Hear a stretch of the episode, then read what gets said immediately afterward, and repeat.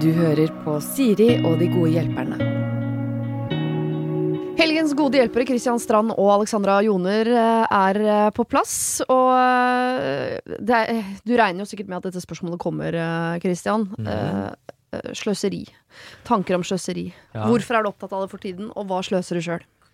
Altså, jeg er eh, jeg, ble egentlig litt opptatt av det da jeg fikk barn. Før Ja. det så var jeg ikke så veldig opptatt av det i det hele tatt, for jeg elsker jo nye ting. Jeg er veldig glad i å kjøpe nye ting. Jeg liker fine biler, jeg liker liksom alt som er fint og sånn. Men så fikk jeg jo barn, og så eh, kjøpte jeg en brukt sykkel som jeg hadde veldig lyst til å reparere. Ja. Uh, og så begynte jeg liksom begynne å mekke, mekke på den. Jeg er veldig dårlig til å mekke, så jeg måtte da kjøpe alle ting. Altså jeg måtte kjøpe slange, jeg måtte kjøpe dekk. Og så fant jeg at det er billigere å kjøpe en helt ny sykkel på en av de eh, sportskjedene Mm. enn å fikse den. Oi. Og da skjønte jeg liksom mm, Hvis det er sånn med dette, så må det jo kanskje være litt sånn i større struktur òg, da. Så da begynte jeg å gå litt sånn, vi begynte å gå litt inn i bilbransjen og i kontormøbler, klær, eh, elektronikk. Mm. Og så da at shit, det sløses mye. Det er store berg av ting som kan brukes, som bare dumpes, brennes, vrakes, da. Og da tenkte jeg at det her er det ikke bare jeg som ikke vet noe om, dette må vi bare vise, da.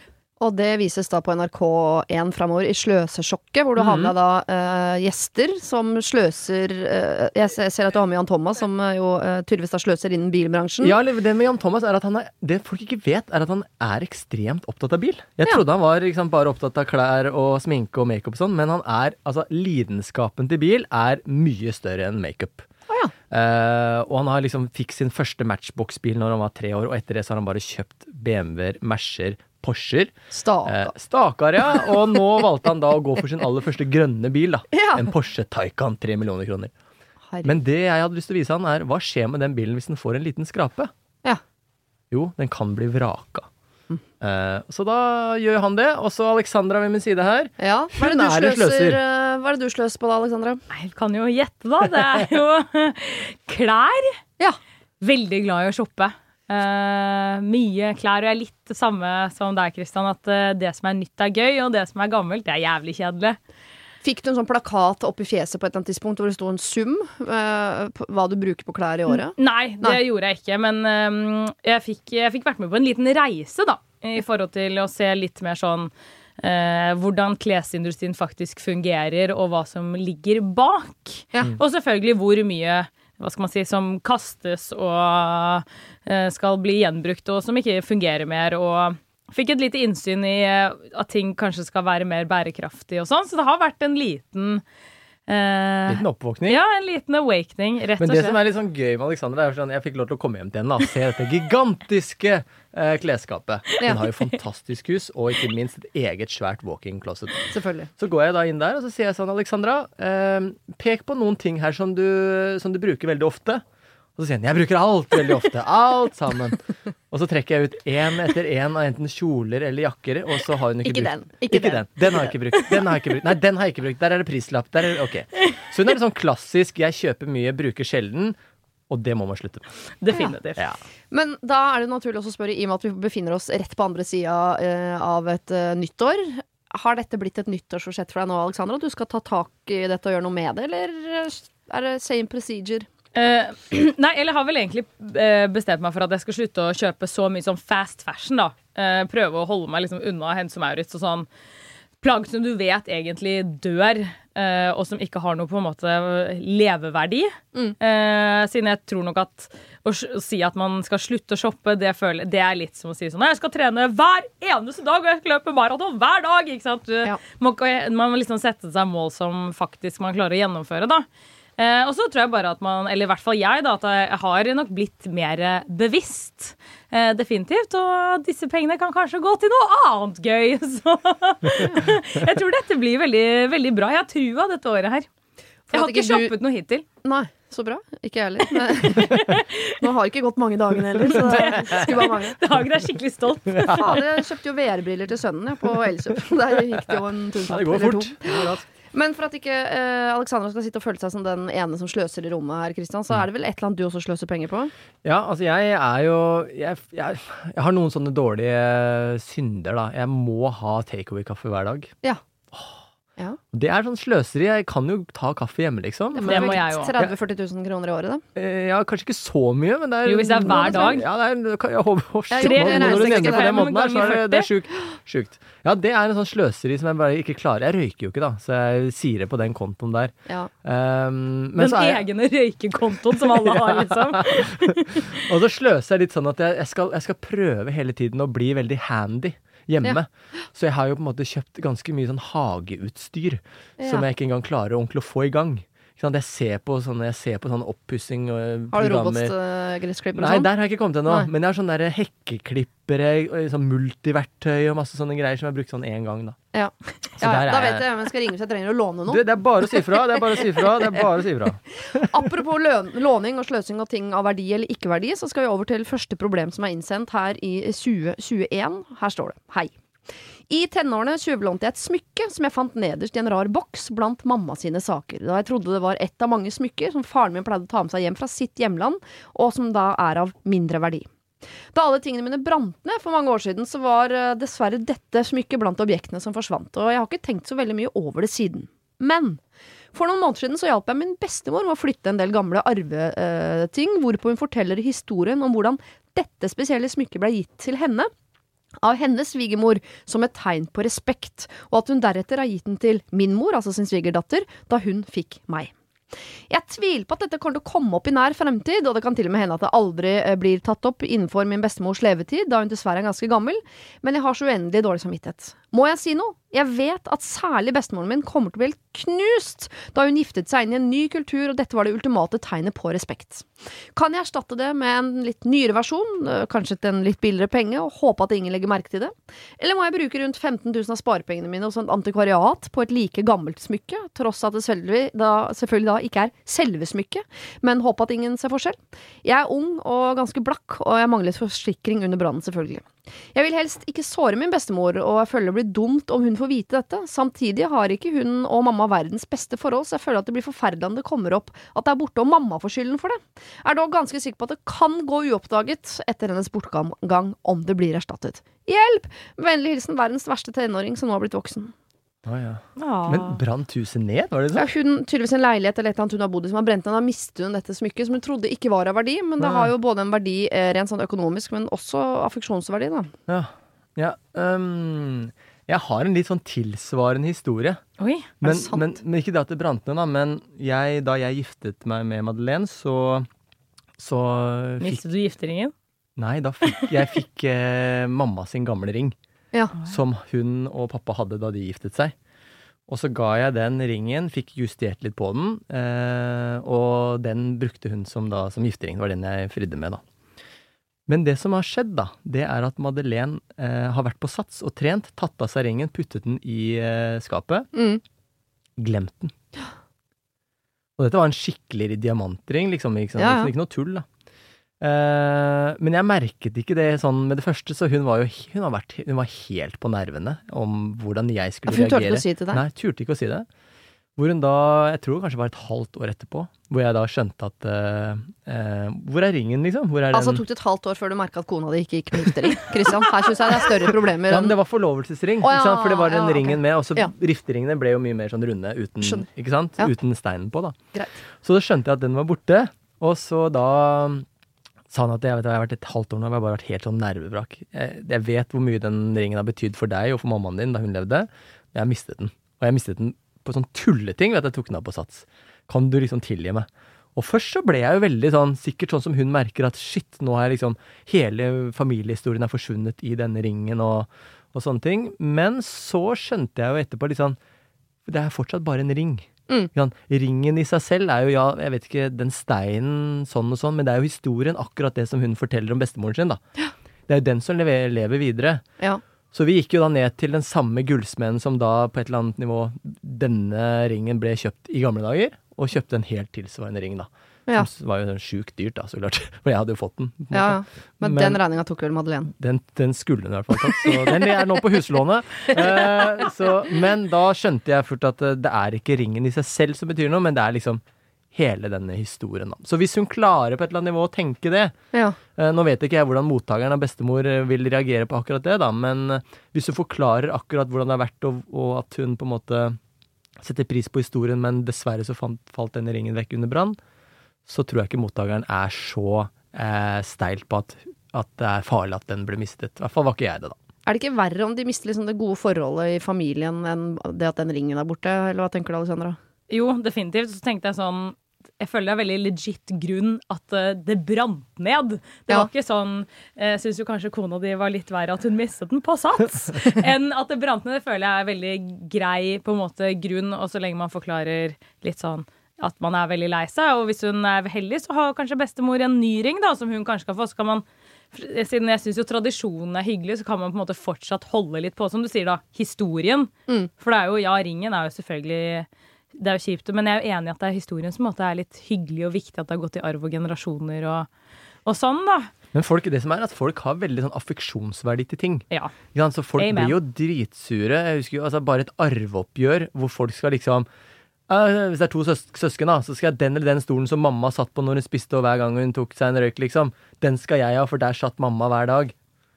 Og der kan det bli eh, uvennskap resten av livet, da. Så Ja, og det skjønner jeg, men da skjønner jeg ikke helt hvorfor det skal hjelpe å kjøpe en ny ring som er tilsvarende. Fordi det er sier, det er jo historien i den ringen som betyr ja, ja. noe. Jeg hadde ikke Så- merket hvis hun hadde gått og, og kjøpt en ny ring uten at jeg hadde visst det, og fått den fiksa helt lik. Historien og tingene hadde jo levd videre som om. Ja, så egentlig nå så sier du kjøp helt ny lik ring, ikke si en dritt, og så går du til sier sånn Å, jeg er så glad for denne ringen! Men Ja, jeg er litt okay, enig, hvis- hvis du faktisk. tenker sånn, det du okay, ikke vet, har du ikke vondt av. Dette er litt sånn slemt å si, da. Men hvor lenge vil hun leve? Jeg vet ikke. Det er litt slemt å si, men hvor lenge vil hun leve? Klarer hun å få tak i en tilsvar, et tilsvarende smykke? Ja. Og liksom bevare den hemmeligheten at den fortsatt er i familiens eie, helt til hun ikke lenger vil bry seg? Så kan det hende at det er en løsning, da. Jeg, vet, hva, jeg hadde gått for den, faktisk. Ja, men jeg, for jeg hører altså, Det er akkurat som vi er på hver vår planet. For jeg hører uh, de samme argumentene og de samme ordene, men lander på et helt annet sted. Fordi, Oi, hvor er du? Jo, der er jeg lurer på. Der er, hvor er dere? Hvor er jeg? Nei, men hvis, hvis det er historien i ringen som betyr noe, ikke selve ringen, så, så skjønner jeg ikke poenget med å kjøpe en ny ring. Altså Det å kjøpe en ny ring bringer jo ikke noe mer av den historien tilbake. Så jeg tror jeg i større grad blir sagt uh, til min uh, bestemor og min mor og alle involverte at forklart situasjonen, vært veldig veldig lei meg, og i fellesskap komme fram til sånn Betyr det nå at jeg nå går inn og kjøper en kopi av den ringen? Det er ikke ringen, men den ligner bare for at den historien fortsatt skal holdes ved hevd. Eller skal vi bare kose oss med den historien?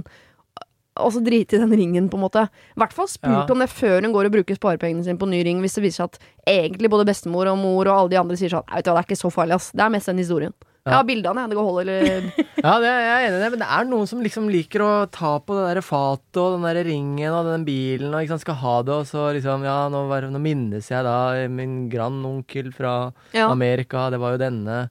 Men siden vi er så uenige om liksom, selve liksom, objektet ringen, så må det jo være greit at man da, akkurat som vi gjør nå, sitter tre stykker rundt et bord Ja. og blir enige om skal vi kjøpe ny ring eller ikke. Men det er jo dumt om hun skal ta den avgjørelsen selv, hvis de to litt- andre tenker nei. Jeg er litt enig i det. Og så er er hun jo stakkars 19 og student, liksom, så det sitter jo sikkert litt ekstra langt inne. Og hadde jeg vært bestemor og fått den historien av mitt barnebarn, så hadde Ja. jeg vært sånn Vet du hva, jenta, det, dette går fint. Men det hun nevnte som vi ikke har tatt helt med, da, det er forholdet mellom mor og bestemor. ja, men Bestemor får ikke vite det gjennom mor. Nei, men De hadde ganske dårlige forhold, da, visstnok. Altså, det var ikke Ja. helt på det beste, da. Og det kan hende at hvis de tre setter seg ned, så vil aldri mor og bestemor bli enige, fordi de har fortsatt så veldig Ja, mye sånn, liggende ja. bak av dirt. Eller at det er dette, denne Som bringer samtalen som bringer ja, dem det ja. også, ja. De kan Ja. mm. The Ring. Jeg Ja, The- The Ring, The Movie. The Ring, Alle tre møtes, og så har de en skikkelig hyggelig samtale med en god kopp te. ja, enig. dette til å løse så blir hele familiefauden liksom Da er ringen sluttet. Da er du ikke verdens verste tenåring lenger. Da er du bare en som har blitt voksen. Du samler familien, dere sitter i ring, snakker om ring, og så kanskje det blir en Å, jeg skulle ønske det fantes ett ord til som hadde ring i seg, som betydde kjærlighet. Det gjør det sikkert. Men uh, at forholdene kan bli bedre, Ja. det er potensielt altså så bra. Så jeg, Ja. syns de skal gjøre det, bare. Jeg tror vi går for det. Vi skal videre til uh, et uh, mer illeluktende problem. Huff hei, Siri og dine gode hjelpere. Jeg har sluttet på prevensjon. Sorry, det er ikke der lukten kommer inn. Det, hørtes ikke rart. Jeg har sluttet på prevensjon, og samboeren min og jeg prøver altså å få barn. Vi er i midten av 20-åra og har alt tilrettelagt for et liv med barn, noe vi begge gleder oss til. Men Svigerfar røyker. Og det hele tiden. Han røyker inne, han røyker i bilen, før mat, etter mat og imellom porsjonene han spiser. Etter en sneip tar det ca. to minutter før han ruller seg ny. Vi har vært sammen i seks år, altså hun og mannen, da. Eh, og jeg har aldri syntes det hadde vært veldig deilig å få sur røyk rett i ansiktet. Men jeg har aldri verken kommentert eller brydd meg om det. Det er tross alt hans valg, og heller ikke mitt problem. Før nå. Når jeg finner ut av en eventuell graviditet, så ønsker jeg selvsagt ikke å sitte i en røykebu flere timer i slengen og utsette barnet for dette. Vi besøker svigers stort sett hver helg, og pga. en times kjøring hver vei overnatter vi også ofte. Vi ønsker også å ha denne lille hemmeligheten for oss selv fram til det, eh, den berømte tremånederskneika. Det ville være merkelig og litt unaturlig dersom vi ikke kom på besøk i tre måneder før vi forteller nyheten til dem, siden vi ofte er på besøk og vi står hverandre nære. Så hvordan skal vi klare å unngå å utsette kommende mor for all røyking uten å fortelle om graviditeten tidlig? Takk for hjelpen, kalles Ole og Ane, og i tilleggsinfo så vil vi si at vi bor på Vestlandet. Det er svært varierende vær her, så det å bare gå ut en tur hver gang man røyker, det er ikke mulig. Er, eh, da kan jeg like seg sitte ute hele tiden. Vi har et godt forhold til svigers og kan både spøke og ha gode samtaler med dem. Uh. Hver helg Ja, det- ja, det var ja, jeg vet det. møter de svigers hver helg. For et familieforhold. Det var veldig, veldig mye. Jeg syns det var koselig. jeg. Ja, ja Kunne du vært hos svigerforeldrene dine hver helg, eller annenhver, Alexandra? Kunne jo ikke det, men jeg syns det er veldig hyggelig når andre gjør det. ikke fordi jeg er ikke glad i svigermor, men øh, jeg har mye venner som også trenger litt tid. Men øh, så koselig. Jeg syns jo da ja. OK. Da tenker jeg sånn. De drar jo til han. Ja. Hans regler i hans hus, på en måte. Den, øh, det er litt vanskelig å bryte opp med. Mm. Men hva om de slutter å dra til han, men heller inviterer til seg? Siden da er det liksom deres hus, deres regler. Og så kan de si sånn Herregud, røyk så mye du vil, men da må du ut på terrassen, eller liksom ut et sted og sigge. ja. Men tror du han vil komme hver helg? Nei! Eh, Eller det vet jeg jo ikke, da. Men, men er ikke det en fin, sånn, et fint kompromiss? Jo, heller invitere til seg? Veldig fint kompromiss, men de kommer jo til da også å spørre sånn Hva skyldes det, den forandringen i Mm. rutinene våre? For dere pleier jo å komme til oss. Hva er det som skjer her nå? Og så er det jo litt deilig når de får barn å komme vekk, da. Altså hvis jeg som har barn, vet jo det er deilig å komme til svigermor og få litt sånn oppvartning. Men hadde Eh, dratt til svigerfar sitt hus og bare sånn Hei, du, du, det er fint om du ikke sigger inne i ditt eget hus. Takk Ja, for meg. Altså jeg, kunne, jeg, jeg husker da mamma røyka, så sa jeg sånn tydelig fra Da var jeg ganske liten, men da fikk hun egen sånn Hun fikk lov å røyke på kjøkkenet. Og det Men var det fikk moren min nå. Ja, ikke sant? Mm. Under, uh, den ventilasjons... ja, ja, ja. ventilasjonsgreia. Mm. Og det, altså, det er jo ikke så mange som er så sånn innrøyka som denne fyren her virker. Da. Det er jo ikke så mange som ikke skjønner at det ikke er så bra om dagen. For her snakker vi rullings. Det Ja, det, jeg nesten ikke nei, det fantes er lenger. rullings. er Liksom, jeg tror det er, liksom, enten det at eller rullings. Liksom. Ja, det kunne Men de snakker jo så godt sammen. Så, men det er så teit at hver gang de sier at ja, dere må snakke sammen om dette. Jeg Jo. ville kanskje jeg ville kanskje sagt at eh, ok, det regner mye på Vestlandet, men går an liksom å bygge en sånn der røykebu? Et utehus? Ja, Jeg dør. Jeg elsker at det er løsningen. Ja, men det hadde jo kunnet gått, da. Hva hvis han bor i blokk, eller bodde han i hus? Eh, De, eh, de bor i hus, ja. ja, Ja, ok. hus, ja. Men jeg er enig, det er også en god idé, men igjen så er det en forandring her som gjør at uh, Ane her antageligvis må fortelle hvor, hva er det denne forandringen skyldes. Så jeg er helt enig sånn, Hvis de var bare på jakt etter svaret på sånn det må være mindre røyk inne i huset fordi eh, vi har en nyfødt baby Vi vil ikke at den skal lukte sigg eller få eh, eksos, som jeg kaller det, nedi lungene sine. Ja.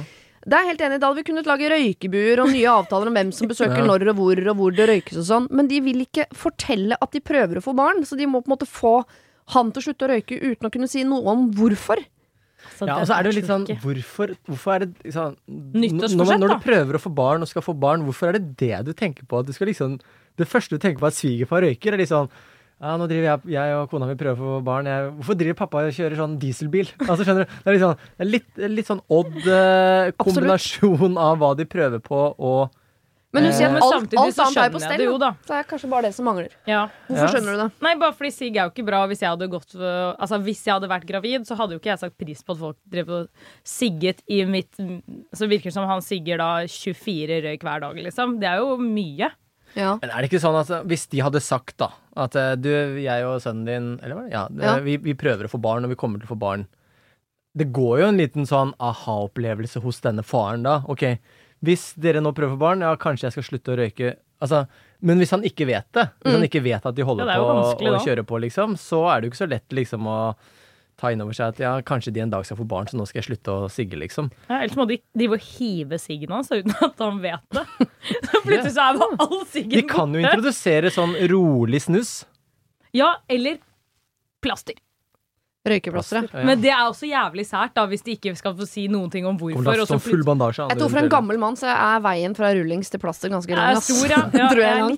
Men jeg, jeg, er enig i at den der overraskelsen sånn vi skal, Dere skal bli besteforeldre! Ja. Altså, det øyeblikket der er ganske magisk. Det, er jo, eh, det husker man. Ja. Eh, men eh, er det så stort og viktig, eller kunne de på en måte ha, ha sagt sånn Nå går vi inn i en tid hvor vi tenker at vi skal prøve å kanskje få barn en eller annen gang.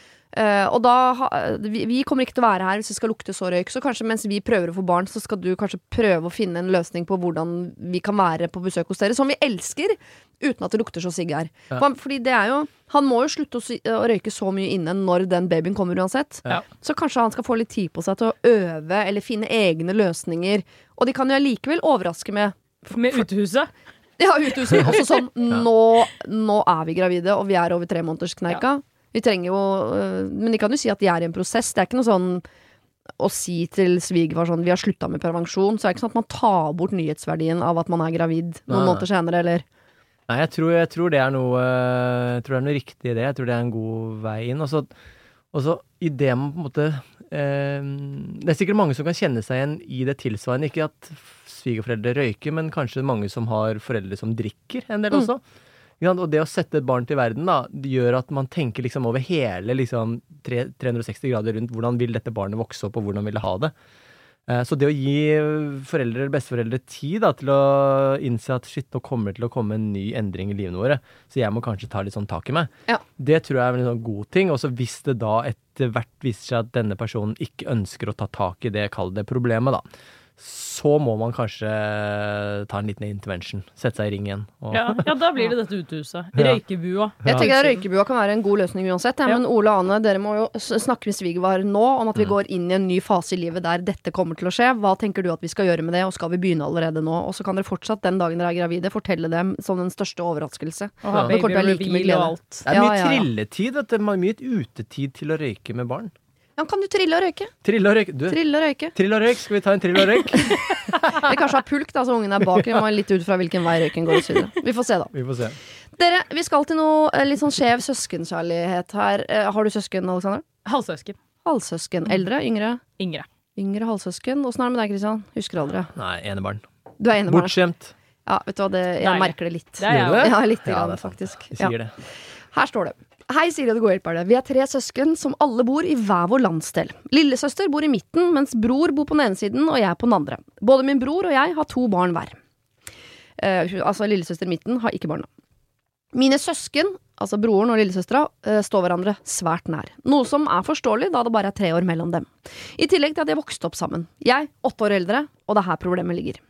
Min søster reiser nemlig jevnlig på besøk til bror og hans barn. Eh, Det er årlige førjulsbesøk, det er vårbesøk, og i tillegg så er det felles eh, sommerferier.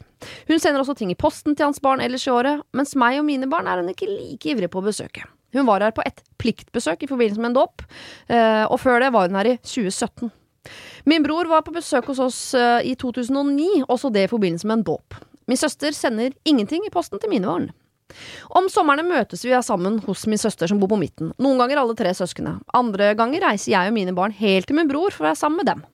Det er vanskelig og sårt å føle at man står på siden av sine søsken, og at jeg og mine barn ikke er like mye verdt som min bror og hans familie. Og bare for å understreke det skjeve familieforholdet og søsken imellom, så føyer jeg til eh, en hendelse fra i sommer hvor vi alle var samlet. Min bror eh, er det jeg anser som profesjonell ølbrygger, og har holdt på med dette i mange år. Da vi møttes i sommer, hadde han med en kasse øl til min søster, et par flasker til min far, ingen til meg. Jeg har aldri smakt hjemmebrygget eh, øl, og nå høres jeg sikkert smålig ut, men det er mange sånne opplevelser opp igjennom. Så hva kan jeg gjøre for å endre forholdet til mine søsken? Skal jeg ta det opp med de, at det sårer meg, eller skal jeg bare fortsette å la det ligge og late som ingenting for ikke å skape ufred? Håper dere kan gi meg noen gode råd på hvordan jeg og mine barn kan få et bedre forhold til mine søsken. Vennligst hilsen ensom storesøster. Ja, Alexandra? Mitt Har- forslag er fillatur.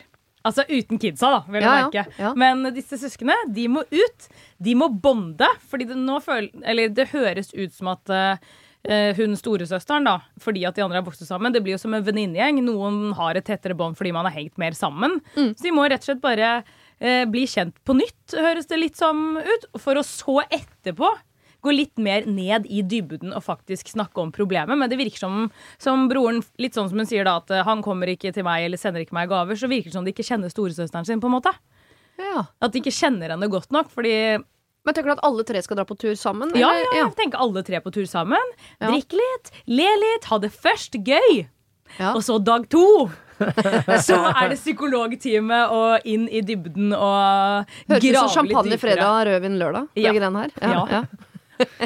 Uff, det høres slitsomt ut, men det kan hende det er det som er Jeg veien. synes det er litt gøy òg, da. Ja, ja. Jeg, jeg alltid ønsket, på et eller annet nivå så har jeg alltid sett for meg tenkt hvordan det er å ha søsken, selv når det er enebarn. da. Ja, ja. Uh, og når jeg nå har to sønner som er ett år imellom, så har jeg tenkt veldig mye på hvordan de vil ha det når de blir voksne.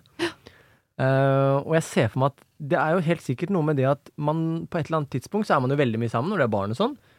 Og så finner man på en måte sin egen vei i livet, og da er det jo litt sånn med andre venner og venninner og sånn, at man bonder jo bedre med noen.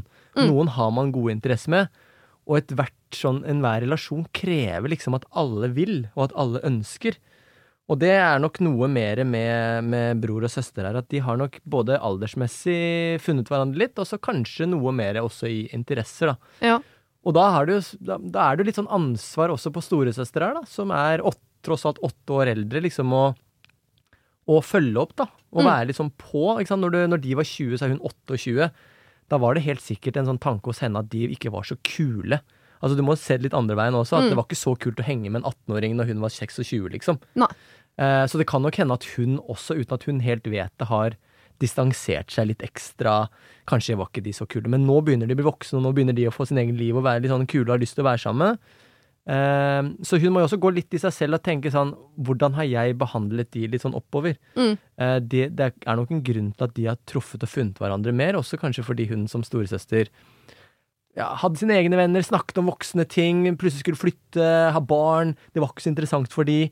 Nå er de alle kommet til samme greia. Så, så Eller bare kjemi, da.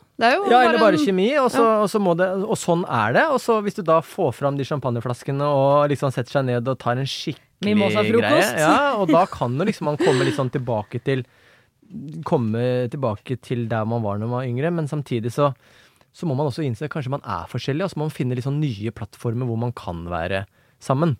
At man ikke hele tida må gå tilbake, men kanskje tenke litt sånn fremover. Ja. Er det noe vi tre, nå som vi har fått barn sammen, kunne vi, kunne vi fått til at vi sammen dro på en sånn Jeg elsker sånn, all, sånn, sånn der, bade... Resorts. Ja, resorts med badesklier og sånn. ikke sant? Kunne vi dratt sammen der og latt barna kose, kan vi gjøre noe sammen? At ikke alt er på sånn familiejuletreff, hvor alt er litt sånn rart. Men ok, okay vi prøver å skape vår egen sånn voksenliv, da, hvor hvor ingen føler seg utafor. Dere høres ganske enige ut, og jeg jeg tror liksom noe av det det handler om her, er å, å ta initiativ heller enn å liksom bare sitte på gjerdet hjemme hos seg selv og være lei seg over at de har et bedre forhold. For det, det er jo dette, jeg vet ikke hvor mange ganger jeg har både tenkt og sagt dette, men dette gjelder jo i vennskap og alle relasjoner, egentlig. Å sitte på gjerdet og på en måte være lei seg og håpe at det skal bringe deg nærmere. Det går, du må hoppe ned fra det gjerdet, ta spaden i hånda, og så må du, du må gå inn, liksom. Og det tenker jeg her at om det er Ja, her er jeg. Eh, Om det er at du i de neste årene må oftere besøke de, eh, at du må ta i større grad initiativ til at dere drar på felles turer. Altså, dere må bli kjent på nytt. For den distansen er ikke De sitter jo ikke og rotter seg sammen og gjør dette for å være slemme. Det, det er bare blitt sånn. Og, er det- ja. ja, og man har jo ikke den der rettferdigheten ligger jo ikke oppe hele tiden sånn. Vent da, nå sendte jeg gaver til de barna, det burde jeg kanskje sendt der. Det er de færreste som tenker sånn. Ja. Man handler jo bare ut ifra liksom impuls og hvilke relasjoner man har. Sånn 'Å, nå er det lenge siden jeg har sett lille Scott', som jeg kaller han nå. Hadde ikke denne vært veldig fint i Scott? For jeg kjenner Scott veldig godt. Han hadde kledd denne brune eh, bamsedrakta. Mm. Og så vet du ikke om de andre liksom søsken, barna til søsknene dine Vet ikke hvilken farge de liker engang. Jeg har ikke sett dem siden 2017. Aner ikke. Og så er det nok litt sånn altså, i en sånn tre Jeg vet ikke om Nå er det mange serier som jeg ser på hvor det er sånn trekløvere. Ja. Er På HBO med Bloodline, eller om det er liksom Succession. Og det er sånne serier hvor du ser at alle Bloodline var jo til og med 4M. De måtte bare ja, drepe ja, han ene. De måtte bare ja. måtte drepes først. Men det er liksom når tre stykker møtes, og tre i en familie, liksom, det er alltid én for mye, da. Så det, så det er noe med det at i en sånn konstellasjon med tre, så, så er det alltid én på et eller annet nivå som er det lille utskuddet, da. Jo, men jeg er enig i det og sier. ja. At man må bare si sånn Hei, her er jeg. Jeg skal Ja. være med. Ja. Det er sånn jeg Også fordi de sier sånn Ja, vi vil ikke ha deg med fordi du Ja, fordi du er en dust. Da må man i hvert fall på fyllatur og prate om det. Ja, men du ser jo allerede i barnehagen, så ser du de barna som sitter i en krok og er sånn uh, og lei seg, vil at noen skal komme bort og leke, og så har du hun ved siden av som står og sier sånn 'Jeg vil være med!' Ja, det er Hun får alltid leke, da. Ja, ja. Og, det, jeg tenker sånn, og der, er man, der er man forskjellig, men når man har blitt voksen og kjenner på at man er ensom og man vil nærmere sine søsken, så tror jeg man må finne sin indre 'jeg vil leke', og ikke bare sitte seg i en krok og være sånn 'hvorfor leker dere ikke med meg'? For du gjør det ikke så fristende heller, på en Nei. måte, hvis man bare sitter i en krok og er lei seg. Ja, og så må du, så må du la, kanskje slutte Ja, å men det la er bra å de være streng. der, Man skal være streng. ja, og så slutte å la de der eh, små tingene gnage for mye. Ja. Fordi ja, han kom med ølbrygga, nei, sånn hjemmebrygga øl til lillesøster, men kanskje hun elsker det, da. Så Ja, men hun har mast om det, kanskje. Jeg snakket om det. Som Har forrige gang vi var sammen. sikkert vært med å Ja. lage Ja, ja. Har hun spurt, har storesøster spurt liksom om det, eller er hun sånn Nei, jeg skal bare ha vin fra Chablis. Altså, Nei, men det er jo det jeg mener. Interessen. Jeg, hadde det vært min bror, da, og han hadde kommet med pils i alle uten meg, så er jeg sånn Unnskyld meg, hvor faen er pilsen min? Excuse me, liksom. Så man må jo bare ta og eie plassen sin og liksom Altså, jeg har venninner som har fått kids, og da med en gang folk får kids, så forsvinner de litt, eksempel. Ja. Jeg er bare sånn Du, eh, søndag, hva gjør du? Jeg bare, Nei, ingenting. Jeg bare Jeg kommer på frokost. Hun bare OK, greit. Jeg trodde at storesøster var liksom sånn der, eh, patriarker nesten som bare hadde call på alle søsknene sine hele tida, hvor de er og liksom sånn, de, alle, med sånn alle- GPS på det. ja, at- ja, men liksom Jeg vet jo lillesøster, hun driver jo med det greiene der, og lillebror er der, og jeg liksom Familie er komplisert. Ja, De sier vel ofte at det er den yngste som blir den følsomme, mens førstefødte er den som på en måte bare durer i vei. går i vei. Turer på sin egen Det er meg. Durer i vei. Men det er derfor, eh, tilbake til det, ditt første forslag, eh, Alexandra, som var at de skulle reise på en tur et eller annet sted. Disse Ja. tre søsknene uten barn. Drikker Ja. champagne fredag, eh, Og hadde først lørdag. sånn hyggelige bonde, bare, liksom. Men er det noe på den turen, da? La oss si at vi øh, i en øh, fremtid hvor vi kan reise, så drar disse tre på en tur sammen til en eller annen storby. Jeg foreslår Amsterdam. Det er Eh, ikke bare champagne der, da. Hold dere unna kakene. Hold dere unna kakene. Don't eat brownies. Men hvordan skal storesøster klare dette? For da drar hun jo på tur med to stykker som er veldig nærme, som kan sitte og snakke om ølbrygging, og som har en tettere relasjon, mens hun er på utsiden, er egentlig litt sånn Er litt lei seg. Og det, er, det krever ekstremt store baller å skulle gå inn i noe sånt og være sånn Her er jeg, jeg vil leke, lek med meg nå. Er Storesøster må spandere. Ja. Ja, jo, jo, jo. Hør nå. Storesøster, ikke sant, som alltid har liksom vært den som ansvarlige, hun tar og bestiller den turen til Amsterdam. Fly, Mm. ikke så dyrt. Og et sånt kult hotell. Eh, fri bar. Og så har Fins det kule hoteller med fri bar i Amsterdam? Ja, vært, jeg bodde Jeg på noe som het The Bank. Oh, ja. oh, ja. det, var fri, det var veldig rart, men det var veldig gøy. Så gøy. Og så da eh. Og da har du, så lager hun litt sånn opplegg. Ja. Hvor, hvor hun liksom, uten at det blir sånn veldig rart, da, men noen ting de skal Hvis hun legger liksom premissene for turen, Ja. Så er det, det er litt som et sånn utdrikningslag. ikke? Den som arrangerer, den eh, Blåtur? Ja, den Ja, har ja. liksom den, Ansvaret. Ja, ansvaret. Og da har jo hun Da føler hun Hun liker skikkelig å organisere litt og sånn. Og da kan hun liksom møtes på Gardermoen, jeg står under denne rosa paraplyen, kom her, så får du et glass når du kommer. Jeg vet ikke. Men da har du liksom Jeg At hun tar litt regi på hele Ja, den ja, ja. turen, eh, rett og slett. Uten at det blir for masete, da. Ja, ja, hun må ikke bli masete. For det Nei. liker ikke lillesøster, tror jeg. For da, oh, herregud, det gidder hun ikke. Ja, for jeg tror andre veien som er sånn Jeg er ensom, og jeg savner dere, og jeg ønsker at vi reiser på en tur sammen. Det, det tror jeg er mindre forlokkende. Jeg mener ikke, at de ikke kan ha den samtalen på et eller annet tidspunkt. At hun kan få lov til å si at hun har et ønske om å komme de nærmere, men jeg tenker at at hun i første omgang skal liksom gjøre noe gøy sammen. For Ja. å bli bedre kjent med søsknene sine i voksenalderen. Komme tettere på, ikke sant. Uten å på en måte være noe sånn som anklager eller klandrer de for at 'Hvorfor er dere så tett?' Nei, Eller må 'Hvorfor ikke ikke meg?' Nei, og, Ikke sånn konfronterende. Nei, si det. Nei. I hvert fall ikke først, siden da, hvert fall hvis, det hadde, hvis en søster hadde sagt det til meg, så hadde jeg bare vært sånn Å gud, dette orker jeg ikke. Dette blir altfor mye for meg. Ja, For det kan bli for mye. Og dette Ja. er kjempevanskelig. Det er, jeg jeg syns litt synd på deg nå, storesøster, fordi uh, dette er vanskelig. Det er det, uh, det er på en måte din jobb, og det må gjøres riktig. Og du skal få lov til å ha følelsene dine, men det skal, du skal ikke plage altså, åh, Det er kjempevanskelig, men at Ja. dere skal til Amsterdam på et eller annet tidspunkt. Det kan bli tidenes tur, da. Det Tenk kan bli tidenes tur. Men Ja. vi må bare bli kjent, rett og slett. Eller så kan det bli en tur hvor flyturen, Det kan jo bli litt klein. Flyturen. Ned. Ja. Nei, da, men det er jo ikke dårlig stemning Nei, det er mellom dem det eller noe sånt. Det er bare at hun er vil litt tettere. hyggelig, som i hvert fall er mitt inntrykk når man drikker litt og er sammen, og sånn, i hvert fall som venninnegjengen, da kan man krangle litt. Og dagen etterpå så var man sånn OK, det tok litt da, fordi man har god unnskyldning. Jeg var full! Så alt man har sagt, er liksom null stress, og så kan man ha samtalen på nytt Ja. edru, men da kommer ikke følelsene så voldsomt. Da er man litt mer gjennomtenkt. Og så syns jeg hun skal prøve å ha noe sånn som hun gjør bare med søsteren sin, og kanskje noe hun gjør bare med Oh, ja. broren sin. Send han på ølmuseum mens du og, og søstera drar på Spar. Ja. Altså, bare gjør et eller annet. Herregud, nå gjør jeg om, kvinner om til veldig kjedelige mennesker, men eh, det beklager jeg. Jo, men det er ikke så dumt. Nei. Dette syns jeg du skal gjøre, kjære storesøster. Du må liksom involvere deg, gå inn i det. Det er kjempevanskelig, inviter, men jeg tror det er eh, Inviter masse, deg selv og andre. Og så kan det hende at du finner ut på den der Amsterdam-turen at du tenker sånn åh, så digg at jeg slipper å være så tett på de folka Ja. der. Jeg liker Det det, er noe med ikke. Jeg skjønner hvorfor dere fant Det der kan dere få holde på med i fred. Jeg koser meg her nede i Sør-Norge. Helt alene. Ok, Vi skal over til en annen form for å komme hverandre tettere, som jeg ikke vil anbefale disse søsknene. Ei heller andre søsken. Vi skal over til et par som kaller seg for Happy Swingers. Oh. Oi, spennende. Hei. Vi er et par i slutten av 30-årene som er gift og har hatt mange flotte år sammen. Vi er begge blitt enige om at ikke vi vil ha flere barn. Vi går derfor inn i en litt ny fase i livet, og det har fått oss til å se på forholdet vårt og hva vi ønsker oss fremover. Det har hele tiden vært et solid forhold mellom oss, uten utroskap, noe sjalusi eller krangling. Vi har hatt et bra sexliv, selv om graviditet og småbarnsperioder naturlig har gjort uh, at det har vært noen ups and downs. Det vi etter hvert har kommet fram til, er at vi ønsker å leve ut flere av våre seksuelle fantasier, og muligheten til å utforske vår biseksualitet. Vi har gjort mye research i bøker, på nett og i podkaster før vi hoppet ut i det. Vi har møtt noen andre likesinnede par som vi har hatt sex med, og besøkt en sexklubb. Dette har vi gjort sammen og kommet styrket ut av det. Det er en helt ny og positiv vending i vårt liv. Takk. Nei da, tuller. Kom her. Bare, Vi hvor er tenker- problemet her? Ja. Det, nei, dette er en rein PR-kampanje for en sexklubb. Vi tenker at det er mye stigma rundt denne livsstilen. Vi har derfor ikke fortalt noe eh, til våre venner eller vår familie. Men bør vi være mer åpne? Hvordan skal vi i så fall fortelle det, og hva kan vi forvente oss av reaksjoner? Kall oss happy swingers. Herregud, ja. Vær åpen.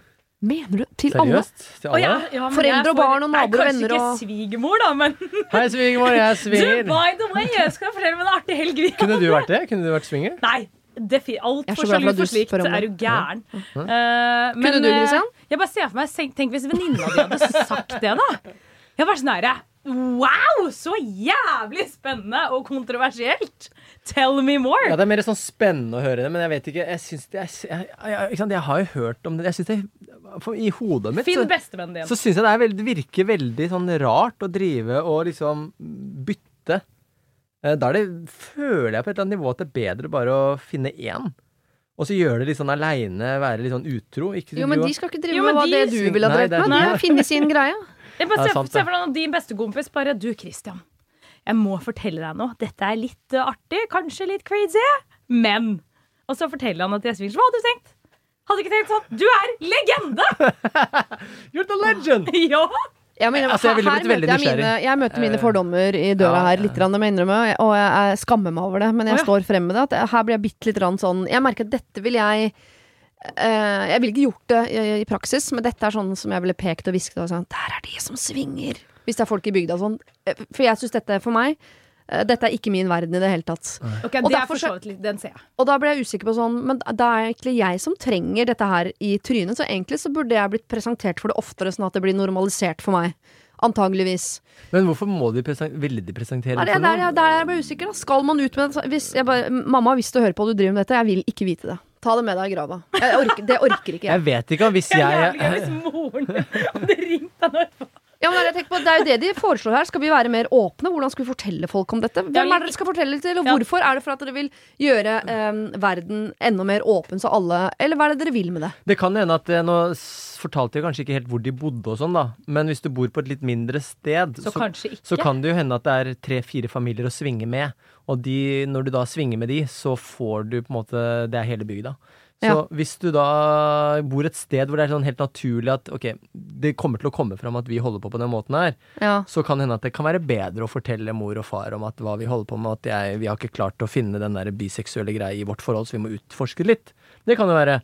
Uh, samtidig så kan det jo hende at de Det å sitte på noe som er en sånn stor del av deg, Mm. som er sånn Kall det en liten dele, liksom. som er liksom. sånn hemmelighet, som betyr mye for deg, da. Um, jeg vet ikke hvordan det er hvis man er homofil og, og ikke, som, ikke får det helt ut, men det kan hende at det er noe i den følelsen der, da. Som at du tenker sånn Ok, det er så viktig for meg at jeg får fortalt det for meg. At jeg må fortelle til noen. Så er spørsmålet om, om det er nødvendig for mottakeren å få vite det. Ja, for dette er jo en, dette er en god hemmelighet. De har ikke problemer med det. Det er ikke noe sånn at de trenger å snakke seg. om det. Sånn. Så jeg er helt enig sånn, Hvis det er noe som hadde plaga dem, og som de trengte å komme ut med, så skal, så skal man jo øh, være der og bidra og øh, gi forståelse og støtte og alt det der. Mm. Men jeg, og jeg vil gjerne vite så mye som mulig om barna mine og, og folk jeg er glad i, men uh, jeg trenger ikke å være med de helt inn i trusa. Så uh, jeg skjønner sånn Legning sånn, selvfølgelig, det skal man det, Alt det skal ut, men akkurat hvem man ligger med, og hvordan og når og hvor og sånn, Nei, altså, Det trenger ikke jeg vite nei, om noen, jeg. barna sin del, da. Altså, jeg vet ikke hvor gamle barna er, da, men det er jo litt, det er fortsatt ganske stor stigma hvis du vet at moren din eh, Er lig, ligger med kompisen din sin far på et sted, uansett om det er stort eller lite. Og du Så- trenger ikke å vite det engang, for det er jo ikke For de som ligger sammen, er det jo ikke et problem. Så det er jo ikke noe Det er bare noe de koser seg med. Det blir jo bare en detaljorientering som er for meg det er, Alexandra, hvis du er ute og fester i helgen, så trenger ikke du ringe meg på mandag og si om du drakk rød eller hvitvin. Er ikke Hæ, så fa jeg nei, jeg trenger ikke å Det det. eneste grunnen til at du skal kanskje si det ut, da, det er litt sånn derre er det noen andre swingers der? Jeg er swinger. Hvor er markedet mitt? Det åpner seg jo enormt De mange flere Ja. hvis du roper ut og sier hva du er. Men jeg er jo litt enig med Siri i forhold til sånn Ok, hvis man faktisk begynner å fortelle til folk, da, så går det jo rykter. Det må man jo da i hvert fall ta sånn. Fordi dette er jo såpass gøy, eller Ja. crazy, utenfor boksen, at dette er noe folk hadde snakket om. Absolutt. Så hvis man sier det, så får jo Gud og hvermann vite det. Og så må man tenke litt sånn, er det greit for oss at egentlig hele bygda kommer til å vite det på et eller annet tidspunkt? Og da kan Og man si at man skulle ønske at man levde på et sted hvor uh, alt var greit. Ja. At man på en måte sånn Ja, de svinger, de gjør det, og, og sånn, og det, og det, det sånn hadde vært fint, det, men Sånn er det ikke ennå. Nei. jeg vet ikke. ikke. Jeg hvis jeg tror vært ikke jeg hadde elska det hadde om mutter'n jeg gikk Hvis ut med greiene jeg skal, bli svinger en dag, så Hvis du skal Hvis jeg skal det, så kommer jeg ikke til å si det til noen. Nei, jeg hadde tenkt sånn, Bare fordi jeg føler vi jenter snakker kanskje litt mer sånn hemmeligheter enn det kanskje gutter gjør. Så hadde jeg tenkt sånn OK, uh, pick your audience. Ja. Så hvis man har en venninne som meg, for eksempel, please do tell, for jeg syns dette hadde vært hysterisk. Men da vet alle, da, etter at du vet det. Så Nei, jeg hadde ikke sagt det til noen hvis de hadde sagt at dette er drithemmelig. Så jeg sa det er helt fine. Men kanskje sånn som du sier, har har man andre venner hvor man ikke trenger å si det til Så Det, Det de spør om på slutten her eh, Vi tenker at det er mye stigma rundt denne livsstilen, og ja, det er det. Og det, hvis dere på en måte har en sånn eh, En agenda som er å, å fjerne noe av det stigma, så selvfølgelig da skal dere gå ut og si det. For da, det er fint at noen stolte happy swingers kan være de som går ut. Og gjør at vi andre eh, som, har litt, som er litt mer sånn forknyttet seksuelt, ja. kan eh, bli med og tenke sånn Så gøy at Se dere på koser dere! Se på de! Og så klapper vi og sånn. Applaus! Det er kjempefint. Men i og med at dette ikke er et problem for dere, og jeg tror ikke at barna deres har noe sånn øh, øh, Dere har ikke meldeplikt, og jeg tror ikke de har noe behov for å vite om det heller, så tenker jeg at fortell det til vennene deres, øh, de dere stoler på. Uh, og så kanskje dere ikke trenger å si det til sånn uh, mora og, og ungen og jeg, jeg, Kanskje ikke sjefen på jobben heller. Nei! Fordi, bare fordi det er ikke egentlig noe man trenger å, å vite. Nei. På en måte. Nei, så trenger man ikke alltid å stå på barrikadene for enhver ting, altså. Og akkurat det her tenker jeg at det er, jeg vil ikke vite hvem de ligger med. Nei, Men du jeg tror, trenger ikke å vite hvem de ligger med. Nei, ikke med, da, men De at de, at de ligger med sånn, andre enn mannen Pling, sin. pling, PS! Vi er swingers! Og så bare Ja, hva spiste du til middag i går, da? jeg tror ingen barn vil vite at mamma ligger med noen andre enn pappa. Altså, jeg, eller omvendt. Jeg- Det tror jeg ikke. Men hvis dere har et behov for å si fra litt, så eh, et tegn jeg ofte ser på Dette er noe noen voksne gjør av og til, og som jeg til og med har vurdert selv, Mm. men som er første tegn på svinging. Det er at man får seg boblebad ute. Utendørs boblebad. Ja, og det har jeg sett mye av på Insta i jula. Nei, gud, det skal jeg få meg. Badestamp på hytta. Det er sånn, ok, her svinges det. Her svinges Da var det det. to par der, ja. Ja, ja, ja. Så det Ja. kan jo være et slags flagg å sette i hagen. Da, det Det greiene der. Har du problemer selv, send dem inn til siri at radionorge.no. Jeg har vært singel i store deler av 20-åra og er nå 30. Jeg vil gjerne finne noen, men hele datingopplegget kjeder meg. Jeg er lei av datingapper og sjekking på byen. Jeg får ikke sommerfugler. Dating er bare et ork, og norske menn kjeder meg. I utlandet møter jeg menn på fly, i taxi, Uber, you name it, men i Norge er det klein kaffe med Vips Request som står på menyen. Jeg prøver nye metoder. For eksempel har jeg vært på intervju eh, til Gift ved første blikk, men jeg kom ikke engang videre. Jeg er en svært drømmende person, og er ikke fremmed for å bli betatt av folk som er uoppnåelige. Nå har jeg fått for meg at en norsk artist er mannen for meg. Han er singel. Mitt spørsmål til dere er, hvordan kan jeg gå frem for å fange oppmerksomheten til denne artisten? Jeg vil tro at dere har erfaring med folk som er desperate og prøver å slide inn i DM-en deres. Dette må dere forklare for eldre lyttere.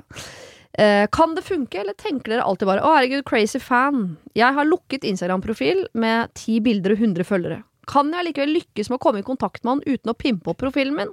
Har dere forslag til hva jeg kan skrive hvis jeg tar kontakt, eller har dere andre ideer til meg? Hilsen dating queen. Altså, øh, oi, oi. for å slide inn noe i DM-en, bare for å forklare til folk som ikke liksom, øh, bruker Instagram 24 timer i døgnet, Øh, sende en personlig melding til Ja. noen på Instagram, da. En Ja. liten hilsen. Ja, men det hørtes egentlig for, fi for fint ut, for det hørtes ut som sånn brevpost. Det er ikke det. Nei, det er ikke brevpost. Men la oss si, hun har nå falt pladask for En eh, artist. en artist er singel. kan vi lage en fake person, eh, norsk artist? Ja, jeg føler at det er Chris Holsten. Ja, ok, jeg, føler at det er Oh, Chris ja, Holsten. ja, Jeg tror det er mange damer som er forelska Ja. i han. Så er. Er inn superkjekkas. DMs, eh, ja. Ja, Ja. eh, Hvordan feller vi Chris? Må vi finne ut av hvor han henger, da, og dra dit. Først så må du kanskje finne ut om denne artisten er singel. Er han det? Ja, han er singel. Ja, okay, okay, så, ja. han er singel. Han er singel. Hun må finne han. Jeg bare føler slide, Du kan slide inn i en DM, Ja. men det er jævlig kleint hvis du faktisk klarer å, å Altså, hva skal man si da? La oss si at man møtes, og så blir han sånn Å ja, ja, jeg husker jo deg. Som slidet inn i DM-en min. Jeg føler at da er det lettere å liksom avvise den personen. Ja. Hvis man da møtes. Men det, vel- Men det er jo litt sånn koronatid nå, så det er jo kanskje ikke så enkelt alltid å Vi må vente korona er over, da. Ja, men Er dere helt uerfarne med dette? Altså, ikke fått noe sånn, frierbrev, da, som heter jo, eh, altså, gamle fra fått- fans? jeg- Da jeg var med i C Nå går jeg litt sånn tilbake i en tid, da, men Gå da jeg starta i Cæsar da jeg var 19 år, da sto jo jenter på døra, ikke sant, og det, jeg fikk jo brev og hele pakka, men jeg ble jo ikke sammen med noen av dem, da. Ja, for da tenkte du crazy fans. Møtte mange av de, eh, og jeg var jo mye og jeg var jo mye på- Ja, men jeg var jo mye på byen og møtte dem der og sånn. Men Ja. jeg tror at liksom, det å få den oppmerksomheten til Chris Holsten, da, kall han det, Ja. så krever det jo litt mer, da. Eh, Fordi du får jo rimelig mye fra mennesker, og så må du da skille mellom de som mener noe, og de som bare liksom er litt sånn Hei, du, så kjekt du var på det bildet her, bla, bla. Men jeg har jo lest om, da, nå i disse sosiale medietider, at eh, artister finner hverandre, finner andre på sosiale medier. Så jeg, du må ikke gi opp håp om at det er mulig. Men Ok, du, Ikke nakenbilde, da. Nei, jeg tror ikke, jeg tror ikke du skal være så ekstrem. Jeg tror bare du må være litt sånn enkel hvis du har et kult profilbilde på instaen din. Ja. Eh, og så skriver du liksom bare litt sånn enkel, litt sånn Egentlig Hei, så må du, du rydde opp i eh, hele feeden. Hei, du, ja. kul Ja, kanskje. Ja, også- fordi at hvis, hvis, dette er, hvis dette her nå er sell-in vår, ja. så må hun ha tidenes sånn Du vet sånn, du, Da må hele feeden være en CV. Stilen. Litt sånn der Ja. Her er jeg på mitt beste. Hvis du hadde vært singel nå, Ja. ikke sant, og så, og så hadde slida inn en fyr Ja. som så ganske kul ut, og hadde en sånn ti bilder og kul profil Ja, det, men det er det jeg sier, da må alle bildene på den kanalen si, være bra. Ja.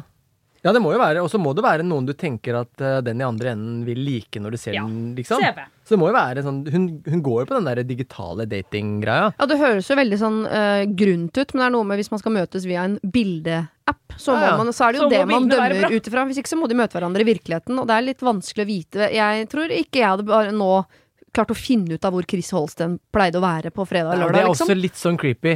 Tror jeg, jeg tror det er lettere Jenter er spioner. Vi kan finne ut av hva som Jo, men jeg ser jo for meg at det, er, jeg ser for meg at det hadde vært fint hvis, hvis det virkelig hadde kommet inn en sånn DM i Chris Holsten eller Chirac. Jeg ser at Chirac får sikkert masse, tenker jeg. Ja. Jeg. Eh, og hvis du da ser ah, hun dama der så jo kul ut, og bla, bla, bla, så hadde det vært noen du kanskje hadde lagt merke til. Men det som man må huske når man sender sånne DM, da, Ja. er jo hvis man ikke er venner eller følger hverandre, så havner de i sånn derre Spam. annet sted. Ja. Det går liksom ikke inn i det som kalles sånn primærkontakter, da. Ah, nei. Så det kan godt være at du da sender, bruker masse tid å tenke på det, og så bare havner det nowhere.